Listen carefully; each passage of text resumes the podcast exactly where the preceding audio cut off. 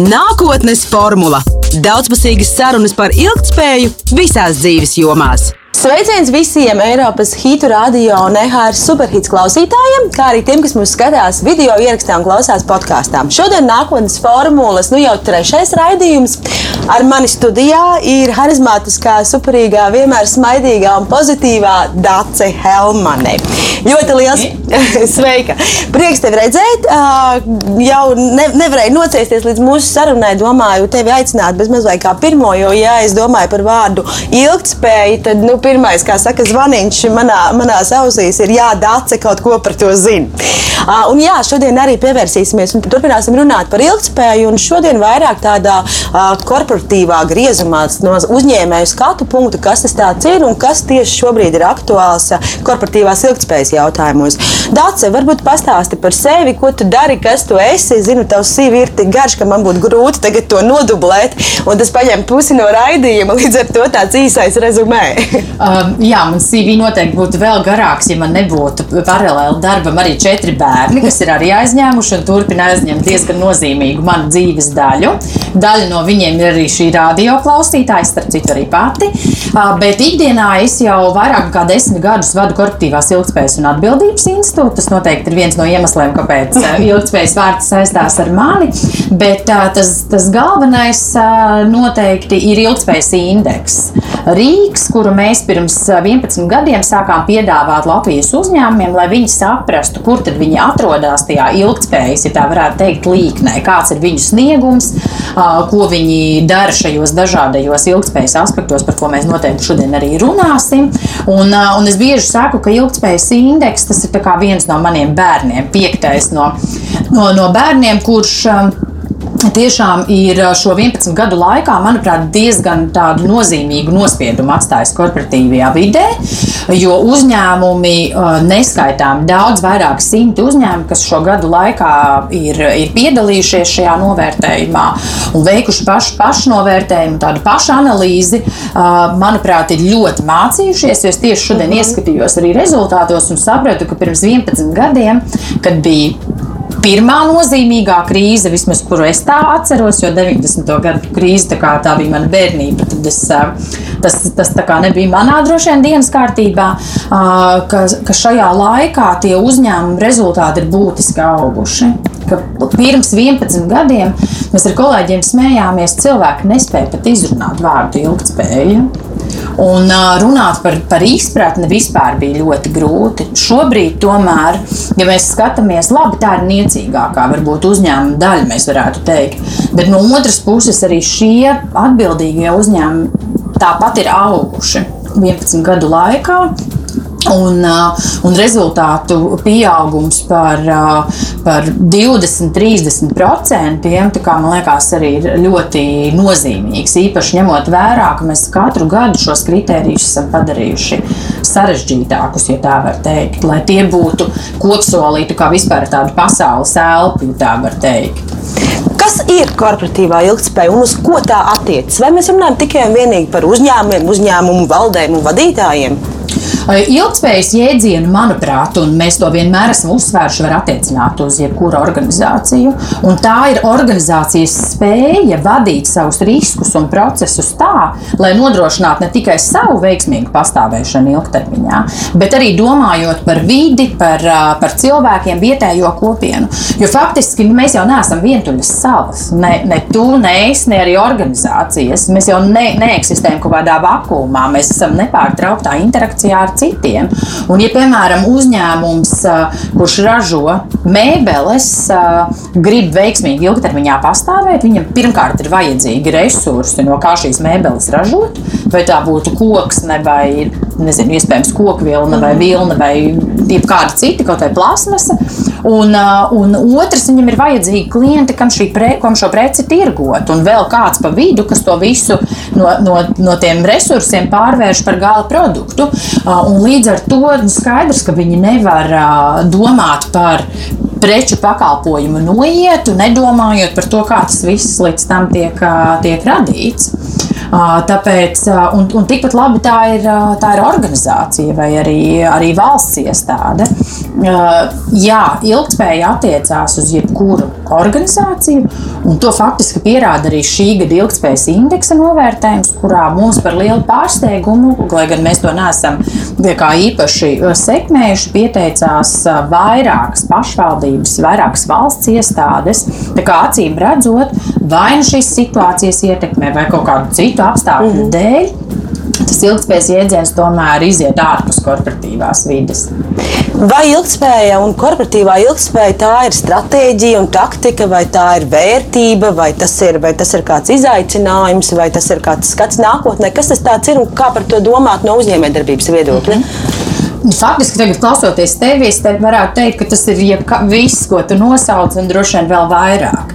Mēs sakām, un tā ir mana pārliecība, ka jebkuras organizācijas ilgspēja pirmkārt sākas ar darbiniekiem, ar to, kā uzņēmums izturās vai organizācija izturās pret saviem darbiniekiem. Un, un tad vai nu šajā aspektā, vai vidas aspektā, kas ir būtiski ilgspējas dimensija, ir svarīgas, manuprāt, nu, trīs lietas. Viena ir lai mēs runātu par ilgspēju, organizācijai vispirms ir jāievēro likums. Vai tā būtu nodokļu nomaksa vai, vai kaut kādi citi tādi mm, aspekti, respektīvi, ja organizācija neievēro likuma prasības, skaidrs, ka, nu, ka tas, tas nav stāsts par ilgspēju. Tas ir pirmais solis. Otrakārt, ir svarīgi, lai tas, ko organizācija dara, lai tā ir brīvprātīga iniciatīva, nu, ka tas nav kādi kā uzspiesti. Um, uzspiesti kaut kādi pasākumi, lai tiešām, uh, nu, piemēram, šajā gadījumā teiksim, uzņēmums saprastu, ka, tas, ka tam ir jēga, ka tāpēc viņš kļūs veiksmīgāks, ka tāpēc viņš pelnīs vairāk. Piemēram, Kalsberga darba drošības vadītāja pirms kāda laika Man paziņas stāstīja, viņš bija pajautājis, kāpēc jūs tik daudz laika un līdzekļu ieguldat darba drošībā, kas arī ir ilgspējas viena dimensija. Un viņi bija atbildējuši, tāpēc, lai mēs pelnītu vairāk. Un, un, un tas, ir, tas ir tas, jo skatoties uz tādu ilgspējas, nu, ja tā var teikt, attīstības līkni, pirmais, pirmais tas attīstības posms būtu, un to mēs arī redzējām pirms 11 gadiem, un patiesībā daudzus uzņēmumus redzam joprojām šajā posmā, ka tas ir cilvēkam liekas, ka tas ir stāsts par filantropiju. Ok, es saprotu, es tur nodaru kaitējumu videi vai nepārāk atbildīgi izturos pret darbiniekiem, bet tad es, piemēram, Ziemassvētkos aizēju pie komunikācijas aģentūras un saku, re, kur man tur 3000, 5 vai 10. Uztaisiet man kaut kādas PR aktivitātes, tur gribu, nezinu, veco ļaužu pansionātam vai suņu patversmē kaut ko noziedot. Tad nākamais līmenis ir, kad, eh, kad uzņēmums vai organizācija savukārt domā, ok, nu mēs neesam varbūt tur līdz galam atbildīgi, bet galvenais, lai mēs tā kā publiski izskatāmies, lai mums viss kārtībā ir, ja mums tur arī notiek, piemēram, kāds nelaimes gadījums vai, vai mums pieķer, ka mēs nepārāk atbildīgi esam pret vīti, galvenais to visu uh, smuki iepakot. Smuki iepakot un publiskajā telpā mm. sakārtot. Un tad, uh, un tad faktiski tas, tas trešais līmenis ir, kurā ir ļoti uh, maz šobrīd uzņēmumu, kur ilgspēja ir daļa no DNS. Tiešām tā ir vērtība, vienkārši tās ir tā pareizās lietas, ko darīt. Jo tu saproti, ka tāpēc naktī gulēsim mierīgāks, piemēram, kā, kā uzņēmuma vadītājs vai vadītāja. Tāpēc tu pelnīsi vairāk, kā teica Kalsberga. Un, uh, un veselu virkni citu iegūmu. Tāpēc labāk vadīs savus riskus, būs efektīvāks, produktīvāks un tam līdzīgi.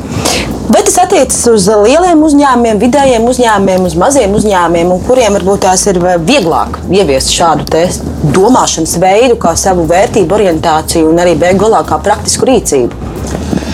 Ja tu jautātu šo mazam uzņēmumam, es esmu pārliecināta, ka viņi atbildētu, ka lielam uzņēmumam ir daudz vieglāk, jo viņiem ir daudz uh, finansiālo iespēju. Ja jautā lielam uzņēmumam, tad viņi parasti saka, jā, mazai organizācijai ir daudz vieglāk. Viņiem jau nav tā visa birokrātija un lielā saskaņošana. Tā kā es teiktu, ka katrā vietā droši vien ir kaut kādi citi izaicinājumi. Um, es domāju, ka. Mm, Protams, ir, ir mazam uzņēmumam ir vieglāk, jo, ja tas ir viens īpašnieks vai, vai pāris tikai darbinieki, vai pat salīdzinoši neliels kolektīvs, skaidrs, ka jebkuras izmaiņas ir iespējams veikt ātrāk. Mm. Uh, bet, um, Bet savukārt lielam uzņēmumam ir ļoti liela parasti ietekme. Nu, vienalga vai uz vidi, vai uz ekonomiku, vai uz cilvēkiem.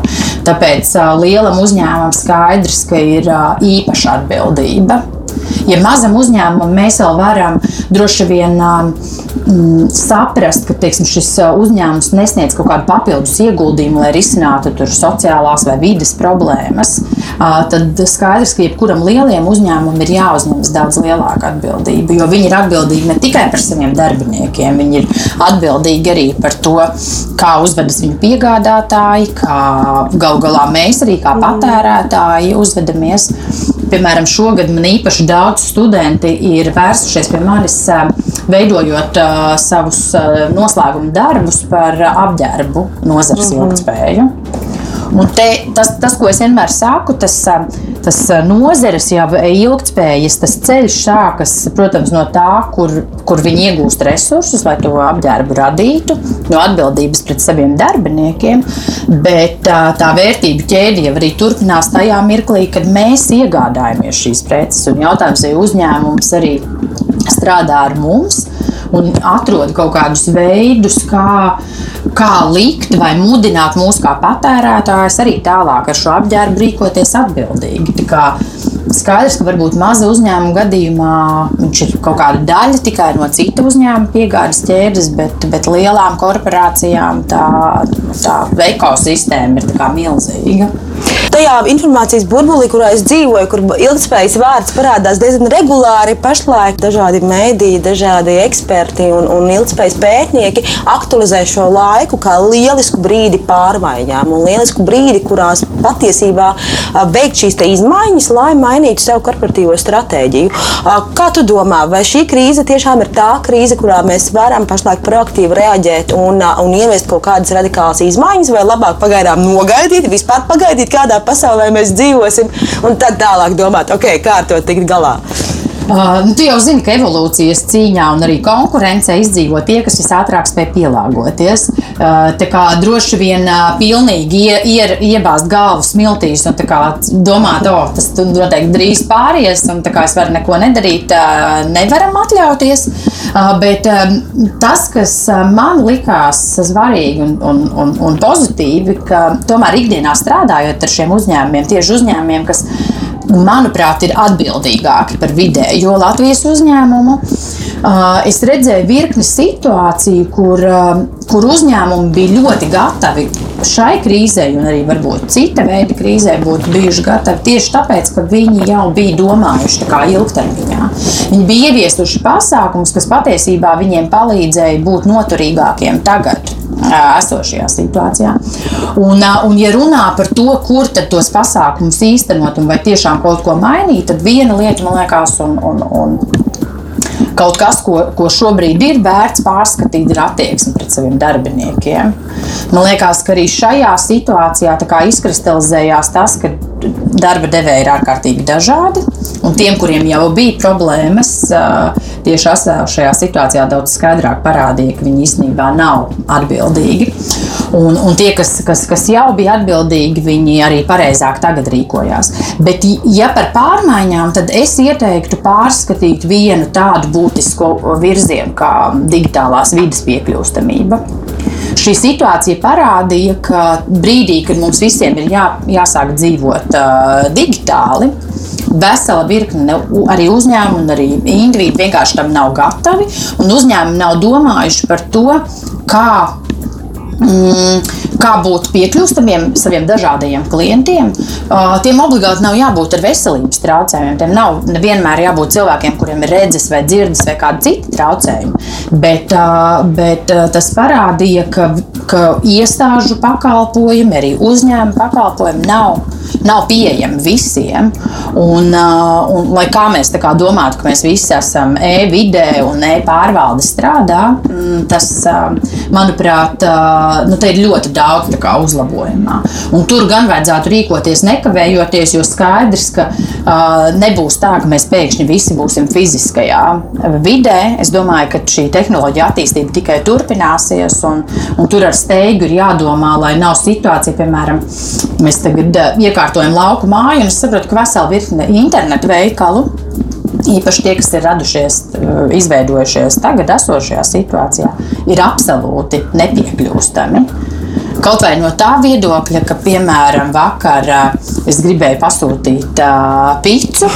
Uh, uh, un, uh, Un es sapratu, ka es nevaru vienkārši šis visiem labai, labi zināmais uzņēmums absolūti nav padomājis par to, kā es atradīšu telefonu numuru um, viņu, viņu mājaslapā.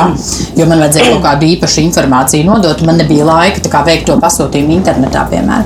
Tādas mazas lietas, jo ilgspēja jau sākas tieši ar šiem mazajiem jautājumiem. Man ļoti patīk šī doma, un es jā, pie viņas gribu pieķerties arī tā, ka, jā, ka tas nav uh, kā jau jau mēs te varam tā ironiski varbūt tā smieķēt par, par lielām misijām un pasaules glābšanu, bet tas vispār nav stāsts par to. Tas ir par pareizā vietā ierakstītu telefonu numuru, lai tev var piezvanīt, Jā. vai vispār iespēja tev piezvanīt. Jo varbūt ir cilvēki, kuri nezinu, nemāķi varbūt ēpastus rakstīt, vai viņiem nemaz nav ēpasta, vai viņi neizmanto kādus citus digitālos pakalpojumus. Vai, man liekas, vai, piemēram, tās... uzņēmuma aicinājums brīdī, kad tev nedarbojas internets un tu zvani, lai pieteiktu šo bojājumu, ka tev uzņēmums paziņo paziņo, ka vienīgā iespēja ir uzrakstīt viņiem e-pastu. Tad tu mēģini izskaidrot, ok, kā lai es to izdaru, ja man uh, nedarbojas tieši internets, piemēram. Nu, tā, jā, tā, tā ir tā iedziļināšanās un, un mazās sīkās lietas.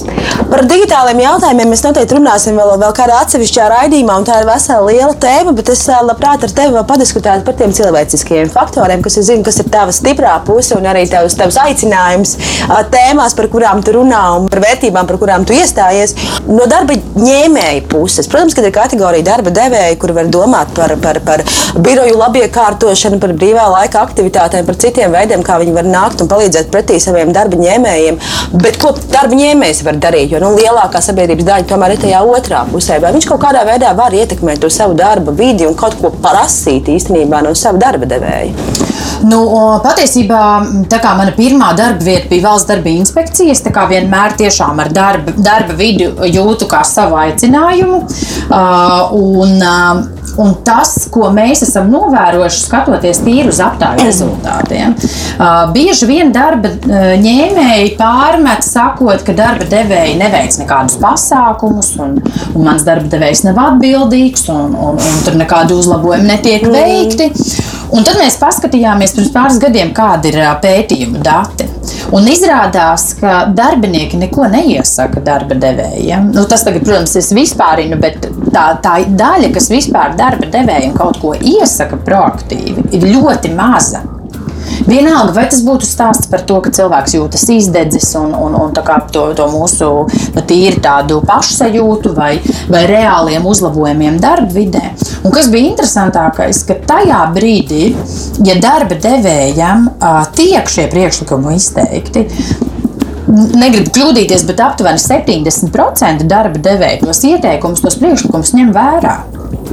Uh, un ar to es gribu teikt, ka tā, protams, ir abu pušu atbildība. Ka, un, manuprāt, pirms šīs situācijas skaidrs, ka tie apstākļi bija labvēlīgi, bija darba spēka trūkums, un darbinieki varēja vairāk prasīt savu interesu kaut kādu ievērošanu. Uh, bet es gribu droši vien iedrošināt darbiniekus, ka nekas jau nav mainījies. Kvalificētā darba spēka trūkums saglabāsies. Un tā, tā ir iespēja cilvēkiem joprojām turpināt tam darba devējiem prasīt kaut kādas lietas, kas ir būtiskas. Un īpaši es gribētu aicināt cilvēkus būt aktīvus tieši attiecībā uz sava, savas privātās un darba dzīves saskaņošanu. Un tā gan ir lieta, ko, manuprāt, esošā situācija ir mainījusi. Un noteikti tur nu, būs arī tāda ne, neizdzēš, neizdzēšanas pēdas arī tas atstās attiecībā uz korporatīvo vidi un uzņēmumu vai jebkuras citas darbvietas ilgspēju, ka cilvēki uh, ir uh, sapratuši, ka viņi var strādāt citādāk, mm. viņi var strādāt attālināti. Pirms tam es no daudziem darba devējiem dzirdēju, ka, ka nu, nē, mēs jau tagad vispār tendence strādāt no mājām ir jau beigusies, visi atgriežas birojos, un, un tas ir kaut kāds mīts, ko es vai, vai citi mani kolēģi kultivējot. Nu, man liekas, tagad visiem ir skaidrs, ka, ka mēs strādājam attālināti. Un vēl vakar man bija saruna ar kādu darba devēju, kuri teica, jā, nu mēs saprotam, ja vēl pirms mēneša bija tā, ka cilvēki tā kā rāvās uz darbu, Tagad viņi saka, ok, es laikam tomēr palikšu pastrādāt no mājām. Un droši vien izaicinājums būs, kā tos cilvēkus atgriezt darbā, tur, kur tas patiešām būs nepieciešams, ka, tie, nu, ka mēs esam nevis attālināti, bet klātienē.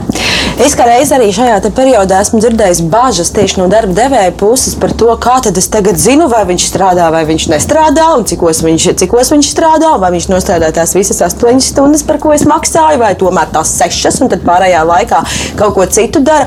Bet tev ir kādi veselīgi tādi kontrols un uzraudzības modeļi prātā, kādā veidā šīs attiecības no abām pusēm padarīt vienkāršākas. Jo es ticu, ka tas ir izaicinoši abās pusēs. Un, protams, kad arī esot mājās, arī tas darba ņēmējs patiešām var būt nu, nenostrādā gluži tās pilnas astoņas, astoņas stundas, bet vienā dienā varbūt astoņas, vienā dienā sešas, vienā dienā varbūt desmit. Ja? Bet kā viņiem savā starpā komunicēt, mm -hmm. kā to plānot un organizēt? Es pati attālināti strādāju 11 gadus, un jā, sākumā tas bija, tas bija diezgan izaicinoši. No personīgās pieredzes var teikt, bet izaicinoši tas bija tāpēc, ka sākumā es pārāk daudz laika veltīju darbam patiesībā. Un to arī apliecina pētījumi. Protams, situācijas ir dažādas, bet principā tendence ir, ka cilvēks, kas strādā no mājām, viņš patiesībā strādā vairāk. Un es vakar tieši redzēju kādu Twitter ierakstu, kur cilvēks teica, ka jā, tad, tad, kad viņš strādāja no mājām, patiesībā viņš visu laiku jutās vainīgs, ja viņš nestrādāja. Tagad, esot birojā, tā kā liek tāds, tāds čila režīms, tā kā nevar pieskaitīt. Jā, es esmu birojā. Un, un tiešām nu, ir, ir vairāk teiksim, tie, tie kaut kādi faktori, kas novērš cilvēku uzmanību. Varbūt birojā drīzāk nekā vienmēr mājās. Bet jā, pētījumi rāda, ka šie cilvēki no mājām bieži vien ir daudz produktīvāki. Bet runājot par uzraudzību, es citēšu kādu uzņēmumu vadītāju, kad mēs viņam jautājām, nu, kāpēc jūs tik daudz kā, papildus brīvdienas saviem darbiniekiem esat paredzējuši. Tur. 1. septembrī cilvēki var ņemt uz bērnu koncertiem, dārziņā un, un dažādās dzīves situācijās. Un tad viņš teica sekojoši. Es saprotu, ka tiem maniem darbiniekiem tāpat šī diena būs vajadzīga. Ja bērnam dārziņā būs koncerts, skaidrs, ka tai mammai vai tētim būs svarīgi tur būt. Un tad es labākā darba devējs viņiem iedodu šo papildus brīvdienu. Starp citu, uzņēmums, kas arī ilgspējas indeksā ir vienā no augstākajām kategorijām, es iedodu pats, nevis lieku tam darbiniekam melot un, uh, un izdomāt kaut kādu citu veidu, lai vienkārši nokļūtu uz to svarīgo notikumu. Un, un tas man liekas ļoti svarīgi. Tas ir tā, tā ir tā ilgspējīgā pieeja, ka tu saproti, ka tas cilvēks jau jebkurā gadījumā to darīs. Un, ja tev rūp šie darbinieki un tas, kā viņi jūtās un cik viņi tev ir lojāli, tad, tad man liekas, nu, tāds īpašs teiksim, uzraudzības vai kontrolas mehānisms nav vajadzīgs. Es nezinu, piemēram, kā tev, bet man, es esmu secinājusi, ka, ka tajos kaut kādos sadarbības projektos, kurus zinu, ka no tās otras puses cilvēks man uzticās, es sevi vairāk kaut kā spēju sāorganizēt un iekļauties termiņos. Jo es zinu, ka tas cilvēks vienkārši paļaujās, ka es to izdarīšu, mm. un tad es jūtu lielāku atbildību. Tad, ja es zinu, kā, ka es tieku pušota, tad es reizēm domāju, ne, varbūt neapzināti, bet. Bet nu, ir kaut kāda kā cita tā sajūta, rodas tāda pretestība. Un man liekas, ka līdzīgi ir arī šajās darba devēja, darba ņēmēja attiecībās. Ja tas darba devējs iet ar tādu, nu, tādu arī paļāvību un uzticēšanos tiem darbiniekiem, viņi ir daudz lojālāki pēc tam. Ja mums tagad klausās kāds, kurš kā reizi varbūt ir dzirdējis kaut ko par ilgspēju, bet neko daudz par to nezina, vai varbūt, piemēram, nezinu, studē vai plāno dibināt jaunu uzņēmumu, vai kādreiz gribētu kļūt pats par vadītāju vai uzņēmēju, vai jau iespējams ir no kura gala vispār tam ķerties klāt. Kā, kā es varu saprast, kādā pozīcijā es esmu un kā es varu attīstīt tātad, atbilstoši kaut kādu plānu savai uzņēmējdarbības formai un nozarei, jo nu, nozares ir bezgalīgi dažādas un izaicinājumi katrā nozarē ir specifiski. Tā kā, kā tu kā eksperts ieteiktu teiksim, uzņēmumam teiksim, to starta pozīciju? Es noteikti uh, no sākuma ieteiktu paskatīties, kas vispār ir pieejamie resursi. Iespējams, ieskatīties mūsu Facebook lapā, kas ir facebook.com šķērsvītra ilgtspēja, vai mūsu mājaslapā insiesr.cu, kur ir ļoti bagātīga resursu sadaļa tieši ar citu uzņēmumu kaut kādiem pieredzes stāstiem un, un, un piemēriem. Um, Ja tas ir uzņēmums, es noteikti kā pirmo soli esmu vienmēr ieteikusi, un arī šobrīd iesaku ilgspējas indeksu, kas ir pilnīgi bezmaksas pieejams rīks, gan noteiktā laika rāmī. Katra gada sākumā uzņēmumiem ir iespēja pieteikties, bet bez maksas iziet cauri tādai ceļu kartei, tādam čeklistam, kontroli jautājumu sarakstam. Un īpaši varbūt tas ir vērtīgi tieši jaunam uzņēmumam. Iziet cauri un saprast, kur es esmu, varbūt uzdot sev šos pašus jautājumus, kas tiek jautāti tajā novērtējumā, kā, padomāt, vai man vajag vidas politiku, vai man tiešām vajag, piemēram, domāt par darbinieku dažādību. Vai man vajag domāt par elastīgajām darba formām, lai maniem darbiniekiem būtu lielāks šis privātās un darba dzīves līdzsvars? Tā kā visus šos jautājumus uzdot, un arī pieredzējušam uzņēmumam tas savukārt būs veids, kā saprast, kur es esmu šobrīd pie kuriem aspektiem man vēl ir jāpiestrādā. Ja tie ir studenti, tad es aicinu noteikti zvanīt man. Es šogad šķiet esmu konsultējusi nu, 20 vismaz. Es kaut kādā brīdī sajuku ar to skaitu studentus, kas tiešām raksta savus darbus par ilgspējas tēmu. Un tas ir vienkārši absolūti lieliski. Man ir prieks redzēt, ka tas skaits aizvien pieaug un tēmas ir tik dažādas. Gan pārtikas ilgspējīgs patēriņš, gan apģērbu ilgspējīga ražošana, tāpat arī ilgspējīgs finanšu sektors. Nu, ļoti daudz dažādu virzienu, kas arī parāda to, ka, ka cilvēki jau saprot, ka ilgspēja tas nav kaut kāda tāda. Doma kaut kāda piekarināta aktivitāte, bet patiesībā tas skar visdažādākās nozares un, un, un, un tā. Tā kā jā, šie būtu droši vien galvenie ieteikumi. Ja nav vēlme domāt par rīkiem, bet uzreiz jau ķerties klāt kaut kam, tad, tad uzņēm, ne tikai uzņēmumiem, bet arī, mm, arī jebkuram individam es iesaku vispirms saprast, kāda ir mūsu ietekme. Nu, piemēram, uz savas ģimenes piemēra, es esmu sapratusi, ka viena no lielākajām mūsu izdevumu pozīcijām, un nu, attiecīgi tas, kur mēs tērējam kaut kādus resursus, ir pārtika un apģērba iegāde. Tā kā man ir bērni absolūti dažādos vecumos, ir 14 gadnieks, kuram šobrīd ir svarīgi zīmoli un, un vispār nu, tur būt trendā. Un, tā, un tad ir 7 gadnieks, kurai arī ir līdzīga, līdzīga izaicinājuma, bet tad ir vēl zīdaiņi, kuriem regulāri šis apģērbs izaug un, un, un tā. Un, tas, un tad es vienkārši domāju, ok, šīs ir teiksim, divas tās, tās manas nopietnākās ietekmes gan no izmaksu viedokļa, gan attiecībā uz vidi un, un, un tam līdzīgi. Un tad es domāju, kā es to varētu šo ietekmi samazināt. Uh, piemēram, 14 gadnieks ir laimīgs, ka viņš sev uz zīmola apģērbus var atrast uh, um, Humana vintage veikaliņos, kur noteikti arī liela daļa šī raidījuma klausītāju stāv rindā, tad, kad ir pieveduma dienas. Man tas vienkārši tik ļoti priecē, ka es redzu, ka tieši jaunā paudze ir tie, kas, kas izvēlas šo virzienu. Nevis, piemēram, aiziet uz Haunēm un uzreiz nopērk kaut ko, kas iespējams uh, kalpos ļoti īsu laiku. Un tad, um, un tad otrs ir jautājums par pārtikas patēriņu. Nu, kā, cik, nu, ko mēs pērkam un cik bieži, un uh, vai mēs neradām pārāk daudz atkritumus pārtikas. Un dienas beigās, jau par to visu sākot domāt, es ietaupu naudu mūsu ģimenes budžetā. Un līdzīgi ir arī uzņēmumā. Ja viņš sāk, sāk domāt, kur ir tās manas galvenās ietekmes, visticamāk, dienas beigās secinājums būs, ka ir ietaupīts diezgan daudz naudas. Piemēram, es varu izstāstīt vienkārši vienu piemēru tieši no korporatīvās vidas pirms 11 gadiem, kad es vēl strādāju konsultāciju jomā, mēs sekojām līdzi, cik daudz elektrības mēs tērējam, ūdens, papīru. Un, un tā kā visi zināja, ka šie skaitļi tiek uzskaitīti, neviens nedrukāja savus bakalaura un maģistra darbus no uzņēmuma uz uzņēmuma papīra un tam līdzīgi. Un tad, kad mūsu darbinieku skaits dubultojās, mūsu papīra patēriņš turpināja samazināties. Tikai tāpēc, ka cilvēki, nu, man skaidrojums bija, ka tāpēc, ka cilvēki zināja, ka tas kaut kā tiek uzskaitīts. Ka es nevaru vienkārši paņemt baltu lapu un viņu tagad vienkārši kaut kādiem nenozīmīgiem sīkumiem aprakstīt, pēc tam izmest ka patiesībā, bet uzņēmuma iegūms bija tas, ka šo papīru vajadzēja iegādāties daudz mazāk, un arī printera kārtiņš. Tā kā tiešām ļoti konkrēts finansiāls ietaupījums. Tu pieskāries vienam tādam, man liekas, tiešām lielam mītam un stereotipam par to, ka gan ilgspēja, gan vispār vidē draudzīgs dzīvesveids, veselīgs dzīvesveids, tās visas ir izmaksas, izmaksas, izmaksas. Vai ir vēl kāds mīts vai stereotips, kas ir tāds, kas tev, kā saka, var, var sadusmot, vai, vai kur tu saproti, ka cilvēki nesaprot, vai ir kāds kanāls, ar kur nāk kaut kāda. Um, nepatiesa informācija, vai sagrozīta informācija. Es domāju, jā, par tām izmaksām tas ir viens tāds liels vesels bloks, kur tomēr ir vairāk neskaidrību un vairāk stereotipu nekā, nekā skaidrības un, un tie patiesie iegūmi. Kā ir ar citām vēl? Nu, viena, viens no noteikti tādiem uh, aplamiem priekšstatiem ir, ka vides ietekme uz vidi ir tikai ražošanas uzņēmumiem.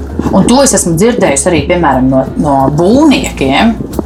Un, un tas liekas pārsteidzoši, jo skaidrs, pat man liekas, nespeciālistam, ka mēs katrs ietekmējam vidi lielākā vai mazākā mērā, bet ietekme uz vidi ir mums katram. Tas noteikti ir viens mīts, ko mēs cenšamies uh, graut. Uh, un, un, un es ceru, ka tas izdodas. To parasti izdodas parādīt tieši caur šiem finansiālajiem uh, ieguvumiem. Ka vide tas nav tikai par pasaules glābšanu, ka vide ir par resursu un beigās naudas taupīšanu. Uh, tad noteikti. Viena no lietām, par ko mēs sākām jau pirms desmit gadiem runāt, un tagad es redzu tās, nu, tā kā, tādas pozitīvas tendences, ka, mm, ka ilgspēja tas ir arī labdarības jautājums. Un es vienmēr uzsveru, ka uzņēmumam, protams, uzņēmuma īpašnieki var paši brīvi izlemt, kur viņi novirza savu peļņu. Bet, ja mēs runājam tieši par uzņēmumiem, tad uh, uzņēmuma primārais mērķis ir gūt peļņu. Uh, un, protams, nu, šajā jau situācijā mēs daudz runājam par to, darīt arī šīs pareizās lietas. Bet, ja mēs runājam par labdarību, tad, manuprāt, uzņēmumam nav jānodarbojas ar labdarību. Uzņēmumam ir jādomā par strateģiskiem ieguldījumiem vietējā kopienā, par to, kā strateģiski risināt kaut kādas sociālas problēmas, piemēram, vai vīdes problēmas, kas patiesībā pašam uzņēmumam var radīt nākotnes riskus. Nu, viens tipisks piemērs ir kaut vai esošais, un es domāju, tas, kā jau teicu, arī turpināsies kvalificētā darba spēka trūkums. Uh, tad vienkārši uzņēmums var padomāt, ok, es saprotu, ka man trūkst šo darbinieku, šo speciālistu, un es vienkārši ar to samierinos. Un pēc tam maksāju daudz par to, lai tos speciālistus pārpirktu no citiem uzņēmumiem vai pārvilinātu. Bet varbūt es varu jau šobrīd sākt to problēmu risināt, sadarbojoties ar izglītības iestādēm, sākot veidot attiecības ar tiem jauniešiem, kas ir šobrīd skolās, vidusskolās, profesionālajās skolās vai universitātēs. Lai tajā brīdī, kad viņi izdara to izvēli par labu profesijai, lai viņi izvēlētos to, kas ir man svarīgs. Un varbūt pat vēlāk kļūt par manu darbinieku. Uh, Nu, tas ir tas, ko es ieteiktu pamainīt. Jā, noteikti ir jauki, kā, kad cilvēki, cilvēki atbalsta arī, arī dažādas. Um, dažādas organizācijas, un tas noteikti ir jādara. Bet arī tad, kad es runāju ar šīm sabiedriskā labuma organizācijām, pārstāvji bieži vien saka, ka, ka mums šādi atbalsta sniedzēji, kas ierodas Ziemassvētkos ar pakām vai ar naudu vai tam līdzīgi, patiesībā jau mums arī neko daudz nepalīdz. Jo tas jau mums nepalīdz veidot ilgtermiņa attiecības. Arī nu, šo organizāciju ilgspēja tas neko nedod. Jo vienreiz viņi uzrodas, bet viņi nevar rēķināties ar to, ka tie būs tādi ilgtermiņa partneri. Ziemassvētku dāvana nenodrošina šim cilvēkam Jā. visu atlikušo dzīvi pansionātā vai, vai bērnu namā vai vēl kādā citā institūcijā. Un, un, un man liekas, tas, ko tu tagad arī tikko mm, iezīmē, kas ir būtiski, ka uzņēmumi ļoti bieži paši izdomā, viņi arī dzīvo savā burbulī, protams, kā mums katram katram ir kaut, kāds, eh, kaut kāda informatīvā telpa vai mūsu priekšstati, kuros mēs dzīvojam. Un tas, ko es. Uh, tas, ko es saku, vienmēr ir svarīgi iesaistīt šīs ietekmes puses, pajautāt cilvēkiem, citiem cilvēkiem, ko viņi par to domā. Bija kāds piemērs ar uzņēmumu tieši par šo labdarības tēmu, kas katru gadu dāvināja savu sadzīves tehniku dažādām organizācijām, ieslodzījuma vietām, daudz bērnu ģimeņu organizācijām. Un tad viņi kādā brīdī nolēma, ka viņi grib tādu strateģisku pieeju šim. Uh, un veicām uh, darbinieku aptauju un arī viņu klientu aptauju.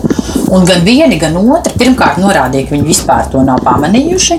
Un tie, kas bija pamanījuši, tie teica, ok, bet man liekas, tur kaut kas baigā aizdomīgs. Kāpēc viņi tā dāvina to sadzīves tehniku, jo nav īsti nekāda pamata un kāpēc tieši tām organizācijām tur noteikti kaut kas slēpjas.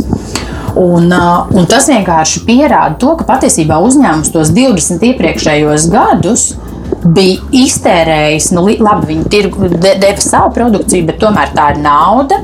Bija iztērējuši lieki, jo tas nebija sasniedzis savu mērķi. Visi tie, kuriem teiksim, bija, visi, kuru viedoklis uzņēmumam bija svarīgs, domāja, ka tas vispār ir kaut kas tāds ļoti dīvains un radīja nepareizu priekšstatu viņiem par sevi. Un tad uzņēmums pilnīgi pārskatīja to politiku un, um, un, un pilnīgi jaunus virzienus un citu pieeju izvēlējās.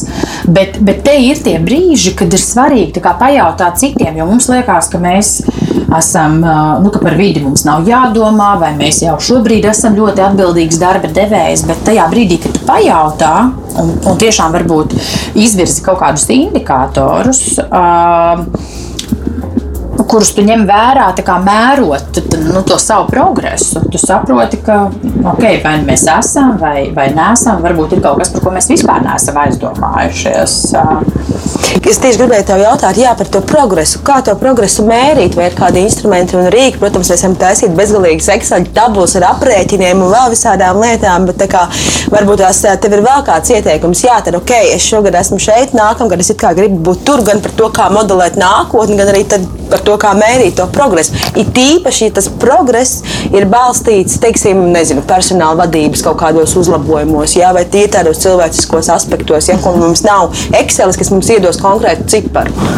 Nu, tas, ko es noteikti uh, ieteiktu, kā pirmo soli, ir nodefinēt vispirms izmērāmus mērķus.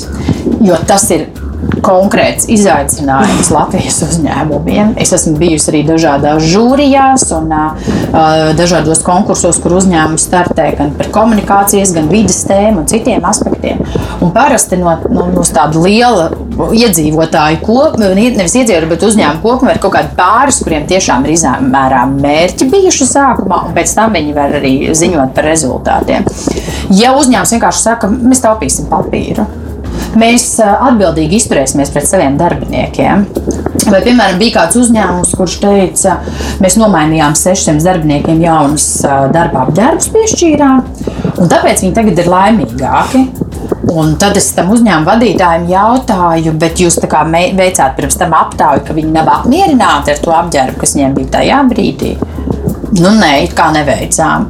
Vai jūs viņiem pajautājāt, kā viņi jūtas šobrīd? Nu, nē, bet nu, mēs visiem sešiem šī jaunas darba apģērbs. Nu, viņi vienkārši nevar būt nelaimīgi. Ne? Un, un, un te ir arī stāsts par to efektivitāti. Jautājums, vai, vai vispār bija kaut kāda problēma un kāpēc tik liela investīcija tika veikta un vai tas tiešām ir sasniedzis to mērķi. Un, un arī šādos it kā tādās netaustāmos. Uh, nu, netaustāmos uh, gadījumos, kā darbinieku apmierinātība un, un, un, un iekšējā komunikācija, skaidrs, ka arī tu vari izvēlēties kaut kādus indikatorus. Nu, kaut vai to, cik daudz darbinieku ir gatavi tev ieteikt kā darba devēju. Uh, un, uh, un, un tas ir ļoti nozīmīgs rādītājs. Mm, tiem mērījumiem ir jābūt, bet vispirms ir jābūt izaicinošai vīzijai. Ja tu saproti, ka tu gribi īstenot kaut kādas pārmaiņas kā uzņēmums, tad ir jābūt vīzijai, kas tevi iedvesmo. Nevis izvirzīt tādu vīziju, kur tu jau šobrīd redzi, ka patiesībā, ja tu būtu pirms pāris gadiem, jau atvainojos, uh, sācis jebko darīt, tu jau tur jau sen būtu, bet tiešām tādu, kas varētu iedvesmot arī citus, kas, mm, kas kalpotu nu, nu, tiešām tā tāds tramplīns tam nākamajam solim, kaut kādai izaugsmai. Un tad šie izmērāmie mērķi un, un, un sekošana līdz rezultātam.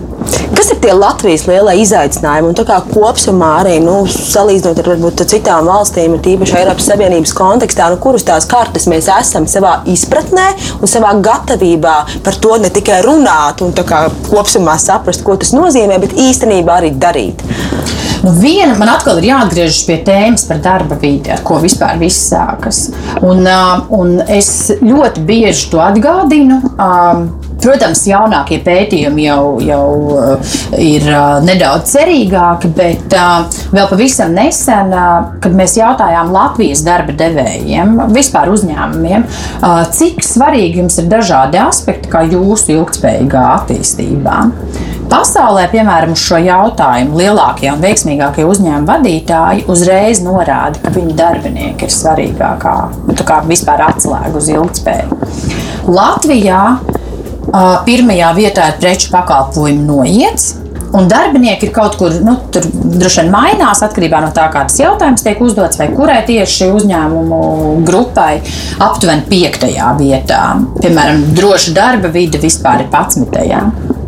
Un tad, un tad nu, tas, protams, raisa jautājums. Tā, tā ir tā viena atšķirība noteikti no, no tādiem pasaules veiksmīgākiem uzņēmumiem.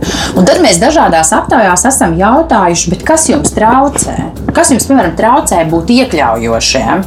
Nu, kas arī ir atšķirība no citiem, pie, citām, piemēram, Eiropas valstīm, ka mūsu darba devēji ir ļoti aizspriedumaini un uh, nav gatavi pieņemt darbā, piemēram, cilvēkus ar veselības traucējumiem, pat jautājumā par cilvēku seksuālo orientāciju, piemēram, budžeta iestādēs puse darba devēja pasaka, nē, ka šis, nu, viņš nepieņemtu darbā vai viņa šādu cilvēku. Tas liekas vienkārši absurdi mūsdienu pasaulē un arī tajā situācijā. Un tad, un tad mēs jautājām, kas jums traucē viens. Un paši darba devēji atzīst, ka pilnīgi nekas netraucē. Ka pat uh, finanšu, uh, tāds nu, finansiālais apsvērums arī nav šķērslis. Uh, ka traucē viņu stereotipi, aizspriedumi un nezināšana.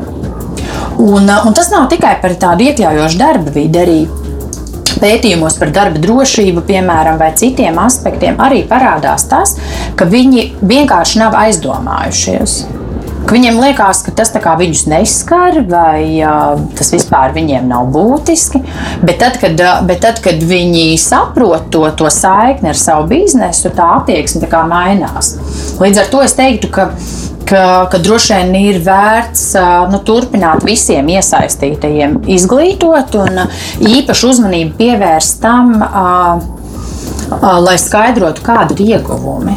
Jo skaidrs, ka uzņēmums tiek veidots ar mērķi gūt peļņu.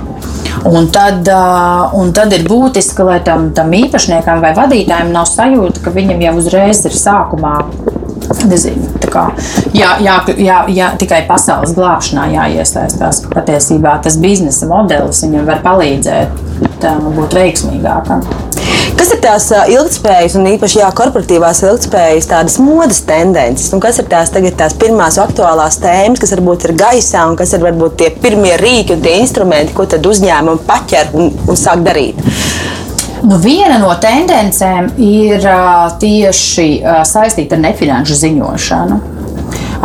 Tā ir tendence gan pasaulē, gan Latvijā, ka aizvien vairāk uzņēmumi sāk atskaitīties par uh, saviem rezultātiem. Uh, protams, ka nefinanšu ziņošana ir plašāks process, kas ietver arī mērķus un mm -hmm. indikātoru definēšanu, sekošanu līdzi papīram, elektrības patēriņam un tā tālāk. Uh, un te daudzreiz uzņēmumi pārprot, jo viņiem liekas, ka nefinanšu ziņošana tas ir tas glancētais, skaistais pārskats, ko nolikt tur, piemēram, klientu kaut kādā apkalpošanas uh, blokā uz galda galda vai izsūtīt saviem sadarbības partneriem pa pastu un kaut kas, ar ko lepoties. Un, uh, Un bieži vien šie pārskati neietver nekādus datus, izņemot labo darbu uzskaitījumu, lai izstāstītu pārējiem, cik mēs esam, um, cik mēs esam lieliski. Bet tā ir tendence, un es saku, ka, ka šajā gadījumā pat ir labi, ka tie uzņēmumi vispār ar kaut ko sāk. Jo atklātība un pieprasījums pēc atklātības tikai turpinās pieaugt. Tāpēc mēs dzīvojam tādā pasaulē, kur jebkurš var radīt saturu. Protams, mēs katrs esam mēdījis, un, un skaidrs, ka uzņēmumam ir ļoti grūti palikt tajā stadijā, par ko mēs runājām sākumā, kad uzbūvēt to tēlu. Jo gan darbinieki, gan klienti, gan sadarbības partneri var viegli atklāt to, to, to patieso uzņēmumu būtību. Nu tā, tā kā jā, nefinanšu ziņošana noteikti ir viens, viens tāds būtisks virziens. Ja mēs runājam par, par citiem aspektiem, tad Nu, tā varbūt nav, tā nav modes tendence noteikti Latvijā vēl, diemžēl, bet uh, pasaulē uzņēmumi aizvien vairāk domā par atbildību visā kā, savā piegādes ķēdē. Uh, jo skaidrs, ka, ja piemēram uzņēmums, jebkurš Mēs varētu droši vien nosaukt kādu zināmu, piemēram, tas pats Kalsbergs. Uh, reti kad lielie uzņēmumi paši nodrošina, piemēram, loģistikas pakalpojumu. Uh, respektīvi, tā mašīna, ko mēs redzam, varbūt ar Kalsbergu uzrakstu, patiesībā nav ne Kalsberga mašīna, ne Kalsberga šoferis. Bet, ja kaut kas nedod Dievs notiks ar šo, šo, šo šī mašīna, piemēram, tiks iesaistīta ceļu satiksmes negadījumā vai tam līdzīgi, tad publiskajā telpā skaidrs, ka visi to saistīs ar šo uzņēmumu un neiedziļināsies tajā. Uh, un, uh, un, un līdzīgi, jo pasaulē ir ārkārtīgi daudz piemēru par, par Nike un, uh, un Zārām un Haunēm, kur tiek atklāti visādi pārkāpumi. Un tā ir tāda, es neteiktu, protams, modes lieta, bet tā ir pozitīva tendence, ka uzņēmums saprot, ka, ka tiešām viņi nav vientuļas salas un ka tā viņu atbildība nav tikai tajā, ko es šobrīd daru. Nu kā, nu tas jau nav mans uzņēmums, tas jau tie jau nav mani darbinieki.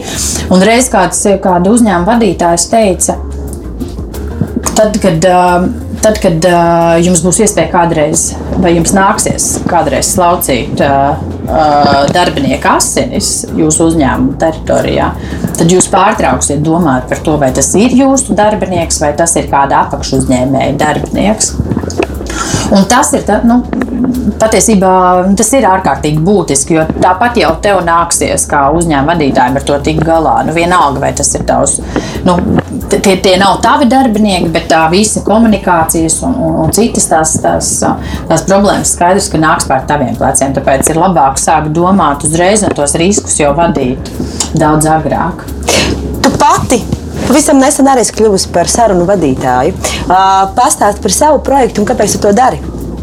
Jā, es īstenībā īstenoju gadu senu ieceri.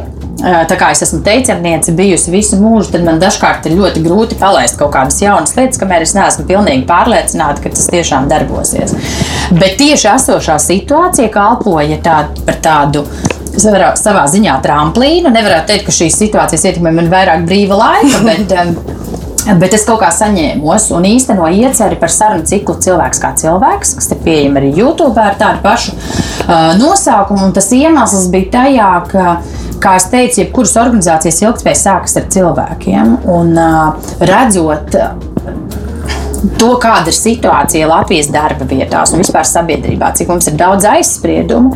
Tieši ar šo sarunu ciklu es gribēju parādīt, cik mums apkārt ir daudz fantastisku cilvēku, kas, mūsu, kas varētu būt mūsu draugi, kolēģi, nezinu, mūsu sadarbības partneri, bet mēs vienkārši viņiem dažkārt nedodam iespēju, tāpēc, ka mums ir kaut kādi aplami priekšstati par to, ko nozīmē būt neredzīgam, ko nozīmē būt. Uh, uh, nedzirdīgam, vai kā, ko nozīmē dzīvot, piemēram, ar to dzimuma uh, identitāti, kas neatbilst uh, tavam bioloģiskajam dzimumam. Un dažādiem uh, līdzīgiem, līdzīgiem izaicinājumiem. Tāpēc, ja kādam šis, šīs sarunas noderēs kādam darba devējam, piemēram, kas ir īstenībā viena no mērķa auditorijām, lai viņi saprastu, ka, ka patiesībā tur ir milzīgs potenciāls, kas netiek izmantots, tad es būšu ļoti priecīga, ka tas mērķis būs sasniegts. Paldies par šīs dienas interviju. Klausieties un skatieties mūsu YouTube, Facebook, Spotify, visos kanālos, EHR, ēterā un EHR superhīts.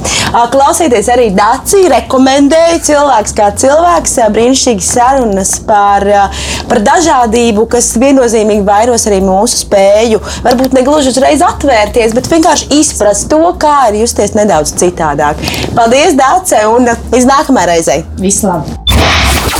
Raidījums tapis sadarbībā ar Nacionālo elektronisko plašsaziņas līdzekļu padomi sabiedriskā pasūtījuma ietvaros.